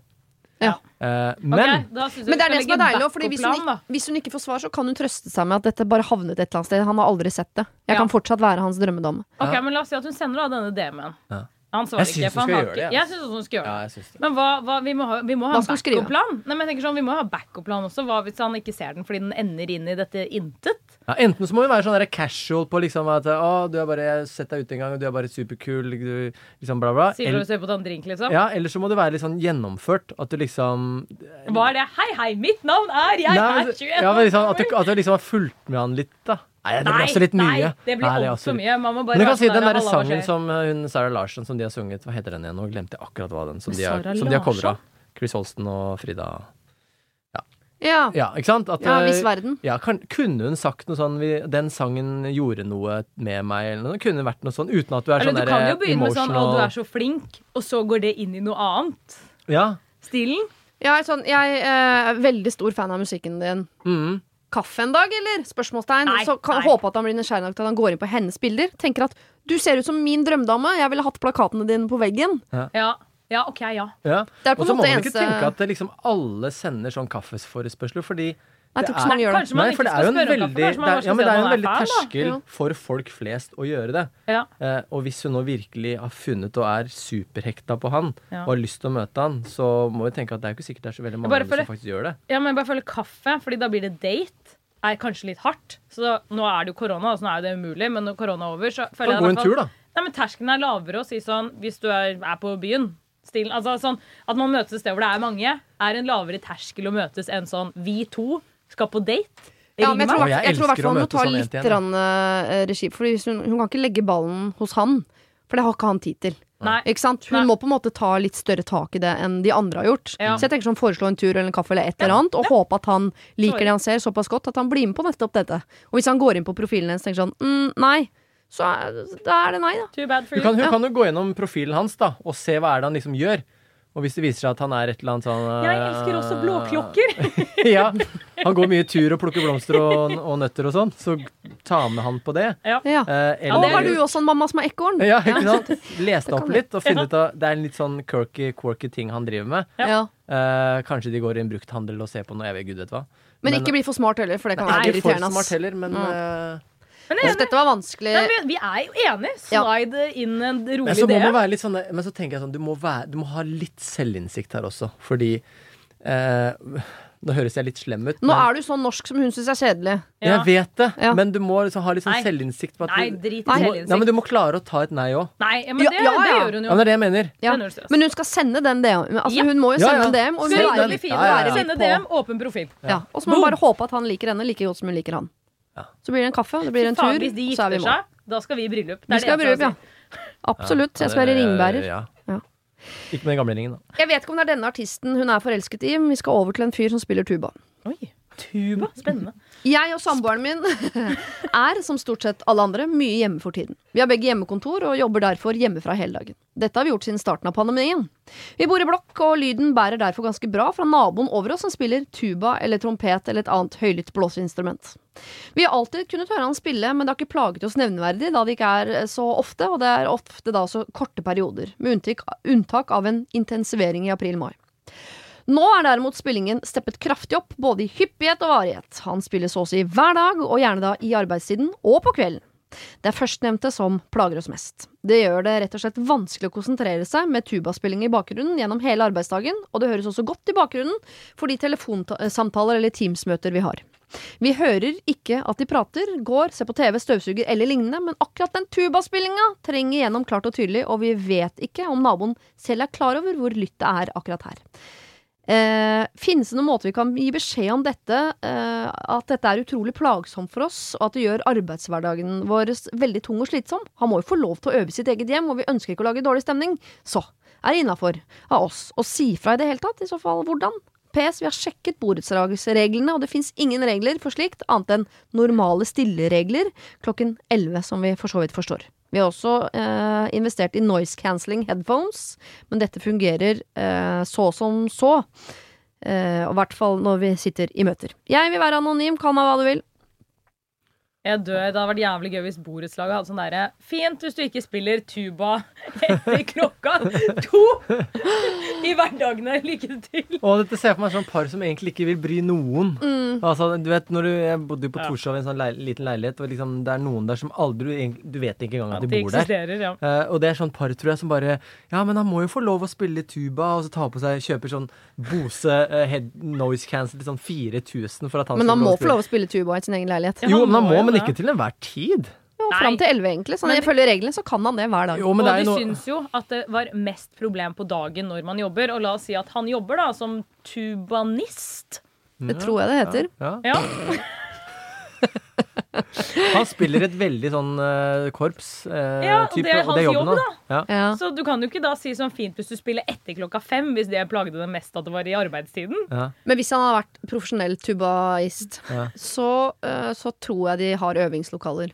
Men Mest- kanskje det også er korona, at han vanligvis øver i en eller annen Ja. eh, garasje et eller Ja, annet for det er sted. jo sånn, det har jo Men vært akkurat nå så er restriksjoner hjemme. med kor og, og symfoniorkester og sånn, at de ikke Ja. de kan møtes. Det kan jo hende. Ja, det En er jo tubaspiller må også få lov til å ha hjemmekontor. Da må de jo Ja, ikke sant? Det er kjipt hvis alle som spilte blåseinstrumenter, ble diskriminert.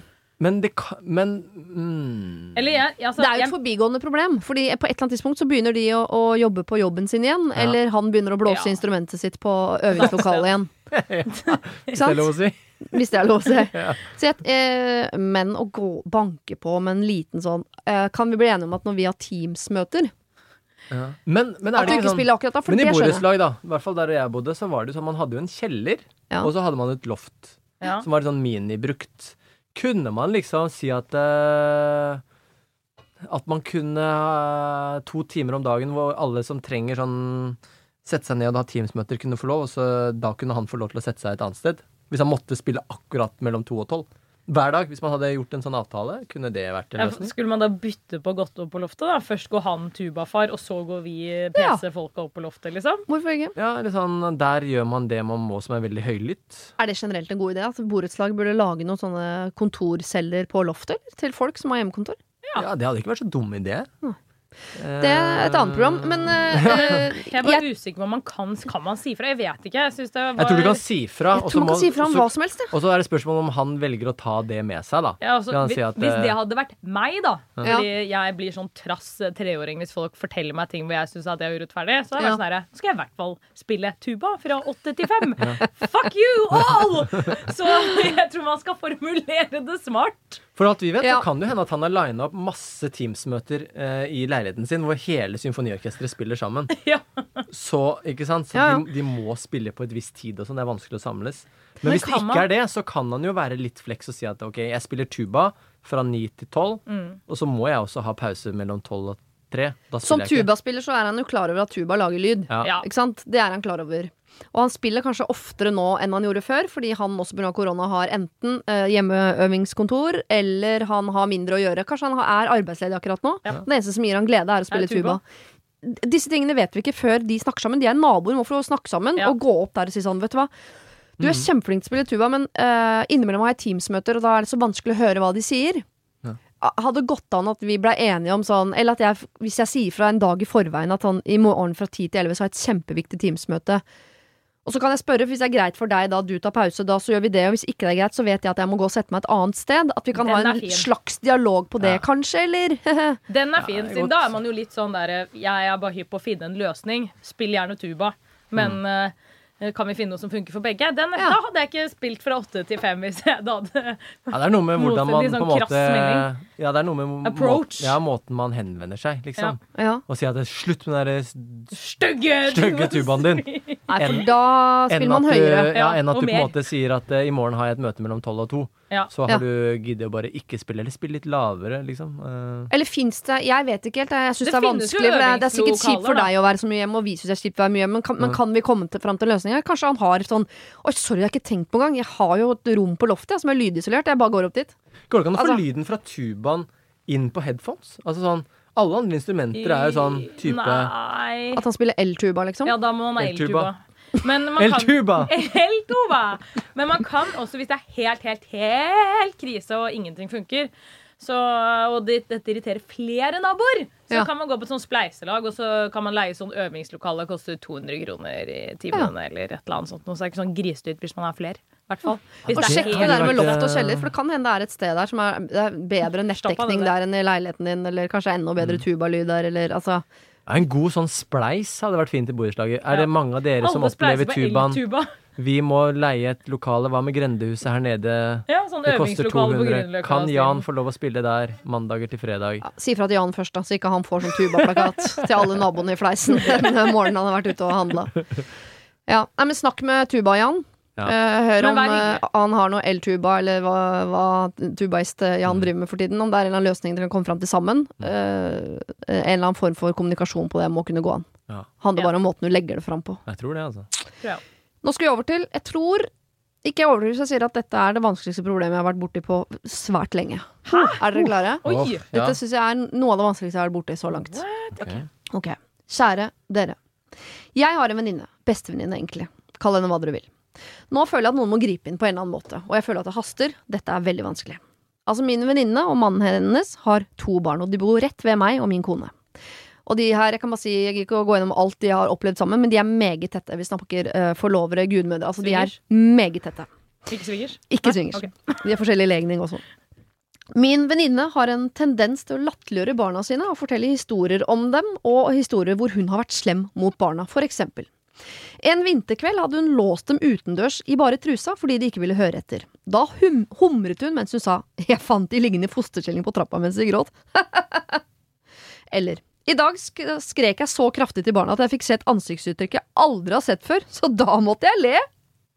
Hun sitter og forteller dem at hun angret på at hun fikk dem. At hun, hadde hun visst hva hun skulle få, så ville hun aldri ha fått barn. Hun har fortalt dem at hvis ikke de sovner med en gang, så kommer det en mann og bortfører dem og dreper dem. Hun forteller dem uh, at hun håper for min del at jeg får bedre barn, og at jeg burde tenke meg nøye om før jeg eventuelt får. Jeg har prøvd å snakke med henne, men da får jeg tilbake at dette kommer jeg til å forstå mye bedre da jeg får egne barn. Men nei, jeg kan faktisk ikke tro at jeg kommer til å behandle mine barn på den måten. Jeg forstår heller ikke hvordan man klarer å behandle sine barn på denne måten. Dette er mishandling, føler jeg. Men jeg vet jo ikke, for jeg har jo ikke barn. Jeg har sjekket opp angående å kontakte barnevernet, men jeg vet ikke hvor mange hun har sagt dette til, og de som, øh, øh, og de som blir meldt, har rett til å se papirene og hva som står i anmeldelsen, så jeg er redd at hun skal forstå at det er meg. Jeg kan heller ikke snakke med mannen hennes fordi han tar parti med sin kone, uansett hva det måtte være. Og jeg vet at uansett hva det hadde øh, vært om, så hadde, gått, så hadde det gått rett til henne. Så da lurer jeg, hva gjør jeg? Jeg håper dere kan hjelpe meg. PS, dere er helt rå. Mange gode klemmer fra Målfrid. Jesus Christ, hun er psykopat. Altså venninnen. Så, ja, hun Ja, ja. moren. Ja. Hun er gal. Og veldig gode venner, veldig gode søsken, veldig eh, gode naboer kan være forferdelige foreldre. Ikke sant? Ja, ja. Det er helt krise. Så det Det er er ikke sånn sånn fordi om du er kul på byen, så betyr det ikke at Du er et godt menneske mot barna dine. Nei. Og det er jo sånn man har Gud, sett eh, Man så jo det litt da landet stengte 12. mars, at eh, noe av det man fryktet virkelig, var jo hva som skjedde innafor de fire veggene. Ja. Ikke sant? Så det at man ikke fikk gå på skole og fikk liksom sett hvordan barn faktisk hadde det, var noe man frykta. Og det her er jo Altså, hun sier jo at det er mishandel, og det, altså, det å ta Det det. det. å plassere barn ute så de fryser til, til de ikke klarer mer, det er, det er jo ikke bare Altså, det er jo, det er jo mishandling. Ja. Det, det, det, er- det er jo alle enige om. Men man sier jo at psykopater er jo din verdens beste venn så lenge du ikke får det for close, på en måte. At de er jo veldig gode skuespillere, sies det. Ja. På en Og måte. så hun, fortel- hun forteller jo dette. så det det er jo på Vanligvis, vil jeg tro, hvis man eh, mishandler barna sine, så er jo det noe man absolutt ikke sier høyt. Ja, er er ting hun forteller. liksom, Nå er ikke vi inne i liksom her, da. For det er jo sånn Hvordan er det disse snakker sammen? Altså sånn Hvis jeg snakker med bestekompisen min, så kan jo vi liksom dra på litt uten at vi er sånn ufine. Men, men hvis hun som kjenner denne personen så godt, vet at det på en måte er sant, da, Mm. og sett barna, kjenner barna og vet at de har det fælt Mm. For det tenker jeg at det må være sånn avgjørende at hun, hun Kan man da snakke hun, må, hun, med barna, kanskje? hun må finne ut av hvor reelt det er, hvordan har disse barna det, liksom. Hun kjenner det så, hvis hun er forlover og kanskje Altså, er det noe her som gjør at hun virkelig har den mistanken utover det som bare blir fortalt? Så ville ikke jeg nølt med og hatt noe sånn bekymringsmelding, ringt politiet og bare sagt du, jeg elsker deg som venninne, men det her er, du er, dette er fucked up. Hvor gamle er kidsa, da? Står det noe om er det? små. Ja, det må, la oss si at det er tre-fire år, da. Fem år, så er det jo mye. altså Du kan jo snakke med barn, da. Bare være kjempe Jo, men barn i seg selv og- også, de vil jo ikke altså, hvis jeg. De vil jo alltid si liksom at ja, men det var min feil. La oss si Jo, at de hadde du- gama hvis- for mye, da, og så hadde kastet barnet ut, så ville de sagt ja, men det var fordi jeg gama for mye. Ja, men hvis de hadde sagt det, og så hadde du jo skjønt hva det går i. Selv om de har sagt det er min feil. Jeg bare tenkte sånn, Kunne man vært en veldig hyggelig venn og bare sånn Du, jeg kjemper på å invitere kidsa dine på overnatting hos meg for at dere skal få en avbelastning, kos dere. Ja. Liksom. Stikke og ha kjærestehelg eller whatever. Ja, så er det og mulighet prøvd å sånn få ja, kidsa til å åpne seg. Nå vet ikke jeg, Hvis det er ett ett år, så er det kanskje litt vanskelig, men hvis de er fire, så skjønner de i hvert fall litt. Jeg, tror, liksom, jeg tror det er litt mye for henne, Målfrid, å ta litt sånn tak i dette her sånn helt alene, for dette er ganske sånn stort, da. Jo, Så hvis si de går på er- skole eller barnehage, så ville jeg i hvert fall tenkt sånn umiddelbart tenkt hvor er det de bruker aller mest tid, da. Ja. Og det er i barnehagen, eller så er det på skolen. Og skoler har jo helsesøstre som er superflinke på dette. Følg opp. Si fra. Fortell at hvordan jeg har hørt, og hva som er tydelig. Eh, eller i barnehagen. Barnehagen Ser er du blåmerker? Ser du at barnet trekker seg unna? Ja, som er rart. så ville jeg liksom Jeg ville kontaktet noen som jeg vet har veldig mye bruke mye tid med barna utenom meg som venn, da. Ja. Og så ville jeg dratt de litt med inn i det og sagt sånn Jeg kan fortelle deg hva jeg har hørt og sett. Jeg vil at dere nå skal være litt på vakt med disse og den familien. Men det, tre det er jo ikke alltid heller at det er fysisk eh, mishandling. Det kan være psykisk mishandling. Ja, Og hvis ja, du er oppvokst i et hjem hvor det er psykisk mishandling, så er det ofte at man ikke vet at ikke det er sånn det faktisk er. Er, ja. At barn er- vokser opp med uh, konstant går rundt og være nervøs for hvilket humør foreldrene er i. Ja, ja. Eh, eh, tenke at det er normalt å tenke at jeg er et forferdelig menneske, jeg burde egentlig ikke vært født. Altså, du, du gir jo bare barna dine en utrolig tung bagasje å bære, og jeg tenker at eh, det er veldig lett å si det sånn, bare meld venninna di, hun høres jo helt gæren ut. Det er selvfølgelig kjempevanskelig å gå og melde venninnen sin, og så viser det seg å være eh, feil. Altså, Ja, det ødelagt det livet si. til At- så jeg bare bare på en på litt da, på ja, jeg sitter og ser på en serie nå på NRK, en dansk serie hvor nettopp det skjer at noen tar tak i to barn som man tror blir mishandlet, og så ser det kanskje ut til at det ikke er helt sant, og så har man ødelagt en hel familie. Men det hun er redd for her, er jo å miste venninnen sin, eller trå feil. Men hva er det verre enn at det vokser opp to barn i et eh, hjem hvor de overhodet ikke har det godt? Det skjer så ofte. Ja, ja. Altfor ofte. Det er derfor jeg mener at man, på et eller annet nivå, da, uten at du skal treffe inn fagpersoner, så ville jeg tenkt sånn Hvor er det de bruker mye tid? Hvem er det som kjenner de godt? Jo, det er barnehager, og det er skole, da. Mm. Hvis du ser en ung gutt, da, la oss si at han er fire år, og vi vet han har tegnet tegninger altså, de, de uttrykker seg på en eller annen måte gjennom noe. Ja. Det kan være en tegning som viser noe, eller det kan være noen de eh, snakker om i samlingsgrupper. Det kan være hos helsesøster. Mm. Bruk nå de som ser dem hver eneste dag, til å tenke hvordan kan jeg informere dem uten at jeg, dette går på bekostning av min relasjon til venninna. Mm. Og så kan det hende at jeg tar feil, men det kan også hende at barna takker meg når de blir eldre. Eh, og så får man da tenke at hvis det skulle være noe, da, så vil de personene der finne det ut. Og så vil de ta tak i det. Så slipper du, på en måte. Eh, og så kan det hende at hele den familien klarer seg, for det ønsker vi jo. Vi ønsker at de skal klare seg, liksom. Jeg hadde Og også at- invitert på liten overnatting. Jeg bare, det er sånn som man snakker med barn sånn her, Hørte mamma skremte dere litt med å låse dere ute? Du kan jo bare ta de historiene hun har tatt, Ja. og spørre litt og prøve å grave litt. Kids, de, hvis, altså jeg tenker sånn eh, Ja, de beskytter mamma, men jeg tror de på en måte også hadde forklart situasjonen når du allerede vet hva den er. Bare ja, 'mamma tulla, ha-ha, hun er morsom', liksom. Ja, men så, Ja. da. Så la oss si at de sier det, da. Ja, mamma låste oss ute. Ja, og så må man grave litt mer og finne ut av litt mer. Ja, hun sa de var i Trysa Du sa hva mener. Altså, Ja. Man må jo bare få de til å Men hva gjør du da, liksom? Nei, Hvis det liksom bekrefter historien at hun har vært så gæren, da, som det er, vi- hun selv har gitt uttrykk for, da må man jo anmelde. Ja, så sier moren sånn Men du vet, barnemunner, de forteller jo alt. De er jo bare tull. Men tror dere ikke også, når eh, denne moren forteller disse tingene, og hun har bedt Målfrid om å være gudmor for hvert fall ett av disse barna, Ikke, dette maker så jo ikke noe det sens. er jo Det kan jo hende at dette her underbevisst også er et rop om hjelp. Sånn eh, Ja. Jeg takler ikke situasjonen Jeg takler ikke å være mamma. Jeg, har- jeg trenger hjelp for å klare å være en god mor. Ja. Eh, og nå, nå prøver jeg å fortelle deg om noen av tingene jeg gjør, for jeg vil egentlig underbevisst at du skal ta tak i dette. Du er Og gudmor, meg, du er liksom. min bestevenninne, og jeg forteller at jeg gjør forferdelige ting mot barna mine. Og uansett om det er det hun vil eller mannen ikke, så er tenker jeg at. Mannen var jo, sier jo at han er enig i dette her. Eller jeg skjønte Nei, ikke mannen eh, er ikke så mye om han eh, jobber borte. Ja. Og, Eh, og han tar alltid parti med kona, og det gjør man jo. ja. Kan Eh, det det være Nå bare kaster jeg ut en ny ledetråd her. Kan det være at hun blir mishandlet? Vet ikke. Nei, Nei. er det liksom Men at hun trenger hjelp, er vi vel enige om. At Ja. moren her trenger hjelp for å klare å være en god mor. For Ja. akkurat nå høres det jo ikke ut som hun klarer å være det. Og det, de, hvem er de svakeste? Hvem er det som trenger hjelp her aller mest? Vi er trenger en. Peder Kjøs. Har vi en Peder Kjøs til henne? Kan vi spleise på en Peder Kjøs til henne og familien? Vi kan spleise på en Peder Kjøs. Ja, for jeg bare tenker sånn, Hvis det hadde vært min beste venninne Jeg f føler at jeg kunne fint sagt, i hvert fall sånn ehm, Men herregud, jenta mi, du trenger jo å snakke med noen. Ja. Sånn, du må, du må dra til psykolog, liksom. Det kommer til å hjelpe deg. Det føler jeg at jeg kunne sagt til en venninne av meg. Jeg tror faktisk man også kan få sendt psykologer hjem til folk som man mener eh, som, At det er ordentlig gærent, ja. Her er det en som trenger hjelp. Ja, Så det er jo definitivt en løsning, men så er bare spørsmålet at eh, hvis man ikke innser selv at man trenger hjelp Altså hvis hun venninnen, da, for eksempel, hun som er dårlig mor, ikke er på, altså, på vår side, Mm. og er bare sånn Nei, men det trenger ikke noe hjelp, jeg, liksom. Nei. Man kan også kontakte noe som heter Familievernskontoret, vet jeg. Hvor det går an å, å snakke med de om hva man burde gjøre. Og kanskje de også kan ja, ta noen høre. grep. Jeg mener i hvert fall, som du er inne på, da, Kristian, å ta Mm. kontakt med noen på skolen, barnehage. Jeg vet ikke akkurat hvilken vei som er riktig å gå. Nei. Og jeg skjønner at det er skummelt. I hvert fall her i Norge har vi gjort om barnevernet til den store fienden, men de er vel først og fremst den store De redningen for de aller, aller Ja, fleste. det.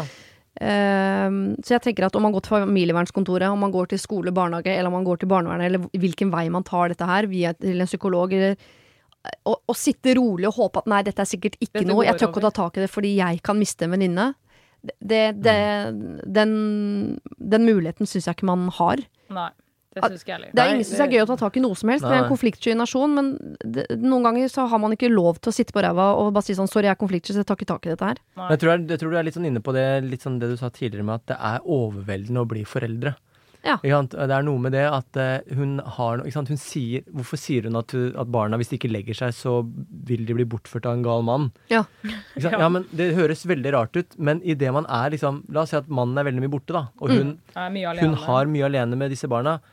Hun er pressa, hun sover kanskje ikke. Altså det, det er, du blir, Jeg har merka det sjøl. Altså du, du får fram sider av deg sjøl eh, når du blir foreldre som du ikke visste at du egentlig hadde. Ja, man kan Fordi bli så desperat noen ganger at du har lyst til å true med sånne ting. Du, at du har lyst til å tyne med å si det. du, Hvis ikke du sover nå, så kommer noen og bortfører deg. Mm. Nå gidder jeg ikke mer. Nå får du bare legge deg. ikke sant? Ja. Og det kan jo være eh, du, du mener ikke, men du sier det. Ja. Men, men, men det er nok kanskje noe i det derre ropet om hjelp som at dette var mye mer overveldende enn det jeg trodde. Mm. Eh, så det kan nok hende at, eh, at, at hun nå innser at det å være mor sånn som hun nå kanskje trodde at det skulle være mor, men har blitt, sånn kan det ikke fortsette. Eh, så kanskje hun skal få seg en liten eh, avlastning. Ja, jeg tenker Barna her trenger hjelp. Ja. Moren trenger åpenbart hjelp. Det er ikke sikkert at hun er forferdelig, men det, hun er nok pressa opp i en situasjon Ja. som hun ikke klarer å beherske. Ja. Og det kan hende at hun overdriver at dette ikke er så ille som det er, men uansett tenker jeg at at uh, Målfrid her skal gå inn, men med en intensjon om å hjelpe. Så Mm. selv om hun kommer til å få uh, døra i fjeset og sånn, men Mm. øh, Og potensielt at Hun mister venninnen sin i hvert fall for en periode, tror jeg hun skal være forberedt på. Det må det være verdt. Men tenker er jeg likevel at hun går inn med sånn Jeg ønsker å hjelpe deg og familien din. Ja. Jeg er veldig glad i deg. Jeg er veldig glad i barna den, dine. Jeg ser at du trenger avlastning. Jeg ser at du trenger veiledning. Jeg ser at du trenger hjelp. Jeg ser at barna trenger noe som ikke du klarer å gi dem akkurat nå. Jeg kan ikke sitte på sidelinjen her og se på dette. Jeg, jeg er nødt til å ta tak, og, og jeg jeg har gjort Kanskje hun til og med kan si hva hun har gjort, hvem hun har kontaktet og hvorfor. Ja, for jeg tenkte, Det hun kan, kan prøve på, er jo å få henne til psykolog før hun kontakter eventuelt. da. Ja. Og bare si sånn Du, du trenger hjelp på stillen sånn. Mm. Jeg har allerede egentlig fikset en psykolog til deg. Dette her er nummeret, ring på en måte litt sånn. Mm. Og hvis det ikke hjelper Men jeg vet ikke hvor lenge man skal vente hvis man føler Nei, jeg- på sånne situasjoner. Jeg Jeg, bare føler at man har på en ta- måte gitt venninna si en i hvert fall en veldig uh, Her er en hjelpende hånd. Jeg ser at du sliter. Kanskje du skal begynne der. Sitte barnevakt for barna hennes en helg, som du sa, Alexandra. Jeg Ja. låner barna dine en helg, så ta en prat med mor på søndag og si jeg ønsker at du jeg kan bli med deg, vi går på familievernkontoret. Ja. Hvis ikke du gjør det, så jeg kommer til å anmelde deg på et eller annet tidspunkt, for dette er ikke bra. Har hun målfri, nå vet jeg ikke hva det sto, har hun kjæreste? Hun er gift. Ja, for kunne liksom, altså i hvert fall hvis det er gudmor og fadder og forlover og sånn, så er jo ofte paret en Altså paret er, er jo venner. Ja, ja, ja. Mm. Så kunne mannen altså kunne mannen snakka litt med mannen òg? Kunne man gått den veien litt inn også? Målfrid er gift med en annen kvinne, og denne mannen til venninnen eh, Ja. jobber eh, langt borte. Ja, så det var litt Ja. vanskelig, så Men jeg, tror ikke vi kommer noe nærmere nå på hva, men at hun må gjøre noe, tror jeg vi er enige om. Og Ja, det kommer til å være vondt, og det kommer til å være altså. vanskelig. Men det er ikke Målfrid det er synd på her. Det er ikke moren til barna. Selvfølgelig også i andre rekke så er det, men det er først og fremst de barna det er synd på. Så at noe må gjøres, det er vi vel enige om. Definitivt. Ah. Den var hard. Den er hard. La oss gå over på noe mer eh, Ja. vanlig, Lystig. men som sikkert er vondt for den det gjelder, men som er eh, en mer vanlig eh, problematikk som vi de fleste av oss er borti på et eller annet tidspunkt. Jeg er en jente i starten av 20-åra, dere kan kalle meg Pia. I slutten av sommerferien gjorde jeg det slutt med kjæresten min, og vi er fra samme hjemsted. Vi studerer begge i en av Norges største studiebyer, og vi hadde vært sammen i halvannet år. Årsaken til bruddet er en sammensetning av en del ting, men i det store og hele følte jeg bare at jeg var moren hans, og at han tok meg for gitt. Det var ikke noe utroskap eller krangling eller sånn som førte til bruddet. Det var et tårevått brudd, vanskelig for begge to, men jeg mener også at det var til det beste. I etterkant av bruddet har vi hengt en del sammen her i studiebyen, og vi har hatt veldig mange fine samtaler. Om oss, om følelser, om alt som har skjedd gjennom forholdet. Han, dere kan kalle han Peder, mener helt bestemt at jeg er hans drømmedame og gjør nå alt for at jeg skal gi han en sjanse til. Han har masse følelser for meg, elsker meg overalt i verden, men jeg føler ikke det samme for han lenger. Derfor har jeg tatt avgjørelsen om å kutte all kontakt. Ikke ses, ikke snappes, osv. For å venne oss til en hverdag uten hverandre. Det å fortsette å ha kontakt er veldig dårlig gjort når følelsene er så ulike hos oss. Jeg er veldig bevisst på hvorfor jeg gjorde det slutt, og jeg står for valget mitt. Jeg har nå prøvd å kutte kontakten tre ganger. Problemet er at jeg klarer ikke å slutte å tenke på han, jeg sprekker hver gang. Så kjære dere, har jeg egentlig mer følelser for han enn jeg tør å innrømme? Kjemper jeg mot mine egne følelser, og hvordan skal jeg eventuelt klare å slutte å tenke på han? Store, gode klemmer fra Pia. mm. Hun klarer ikke å glemme eksen, men hun tenker at hun vil at det skal være en eks. Og Ja, han er forresten den enig. starten her, jeg var inne i det andre problemet. Det Ja. var bare at hun hadde slått opp med sin eks. Ja. Ok, og resten fikk jeg med meg. Ja. Greit. Og etterpå har de vært venner, og hun mener nå fordi han fortsatt vil ha henne, så har hun kuttet all kontakt. Ja. Men, Men hun, hun savner han. savne, hun savner han likevel. Men det er jo ikke rart. da Man er jo venn med en kjæreste selv om man gjør det slutt. Altså sånn, men du savner jo ikke eks, savner du eksen din, da? Nei, det, definitivt ikke. Nei. Men, men, øhm, men jeg mener jo at øh, Altså Hadde man ikke vært øh, kjærester, så hadde man jo sannsynligvis vært venner. Mm. Og at man har vært glad i en venn og savner vennskapet Mm. mer enn kjærestedelen av det, det føler jeg på en måte ikke er noe unaturlig i det hele tatt. Og så er det ikke så rart hvis hun har blitt avhengig av eller glad i den oppmerksomheten hun får å ha en Nei. ved sin side som kurtiserer og syns at du er verdens beste menneske og sånn. Den følelsen i seg selv er jo såpass god at den er jo vanskelig å, å Ja. lukke døra Ja. for helt. Så jeg, jeg tror ikke at man skal ut, Nei, at man skal bare lukke det til at hvis uh, Fordi at jeg tenker på han, så kanskje jeg har mer følelser. Ikke nødvendigvis. Det kan bare være at man var jævlig gode venner eller hadde gode samtaler som man savner, liksom, som man kanskje ga med noen andre, da. Ja, man må Ja. gå, hun må kanskje gå litt sånn tilbake igjen og tenke tenke sånn hvordan var dette forholdet, hva var det som gjorde at jeg ikke var noe keen på å være sammen, liksom. Mm.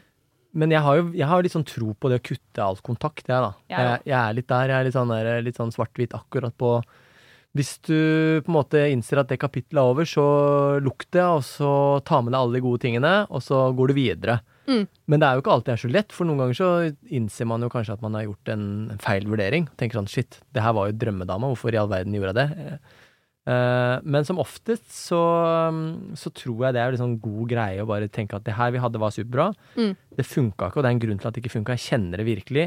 Så kan det komme sånne små drypp når du ser bilder av han, eller det var noen ting de gjorde sammen og sånn, men det er ikke virkeligheten. Virkeligheten var ganske mye annerledes da vi var sammen.